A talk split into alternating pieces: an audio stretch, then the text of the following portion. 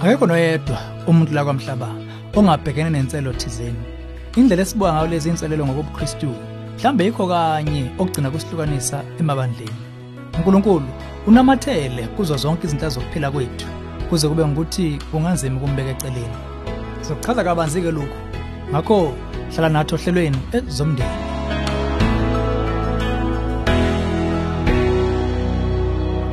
Komnani kwasho uba ngiphinde futhi ngibingelele mlaleli.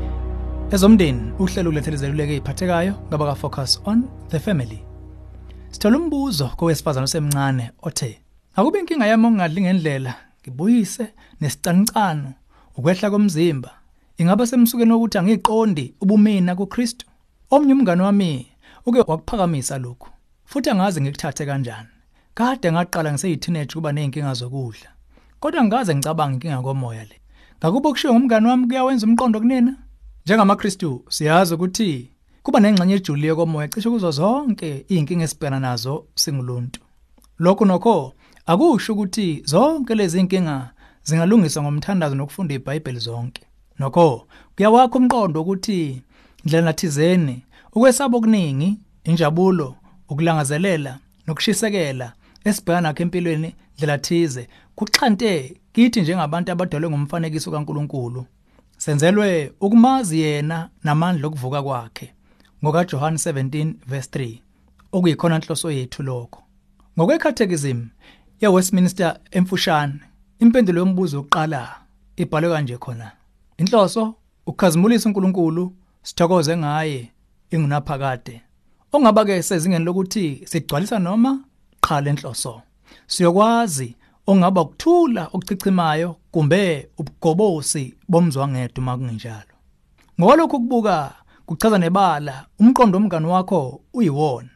Nxa ubhene inkinga efana yokungadli kahle ungasizwa ukuqinisa ukubamba isekelo sakho esingezwi ngokweqiniso ngothando lukaNkuluNkulu ngawe icebo lakhe ngempilo yakho nobuwena kuKristu. Njengoba sesishilo kunomuzo osemqoko ukuthi lamaqiniso aqonda ngqo enjuleni yenkinga. Nokho kusemqoko ukuthi ulwazi lolodwa alinakuletha ukuphuluka okudinga kakhulu.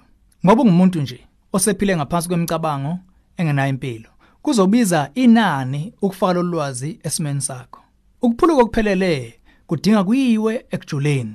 Ngamanye amazwi ngale nje kokubuka lenkinga ngokomoya kodwa udinga ukuyibuka ngokwemizwa yenhliziyo ngokwengqondo nangokomzimba. Ngokwesitebhisi sokuqala kumele uziphi isikhathi ukuthi kungani umqondo wakho uhleli kangaka kwiweight kumbe isimo somzimba wakho. Ngakube seke wayehlola imbangela zendlela ongadli ngayo ngendlela. Uma sokwenze lokho uyothola ukuthi kunezinye inkinga empilweni yakho ongayinakile ngenxa ukuthi nje sithinta inhliziyo yakho kumbe kunqala ukucabanga ngazo. Ngokucabanga odabo lodwa ohlala ucabanga ngalo okuyiweight nokudla. Ugcina usuphumelela ukuyikhipha kubantu. Ukubona lezi ezinye izimo kungaba ukhiye ekuphulukeni kwakho. Ngakho yima ukuyibuze. Umlando ngoqobo lwakho kumbe isemumva uyibuze imibuzo enzima. Ngakube sakwalahlekelwa kanye nakabili ngosenhlizweni yakho ongazange uyinike isikhathi ukudlula kukho na? Sewake wabhekana nokulahlwa kumbe ukuhlukunyezwa. Bunjani ubudlane bakho nomndeni wakho ibandla nozakweni osenza nabo na?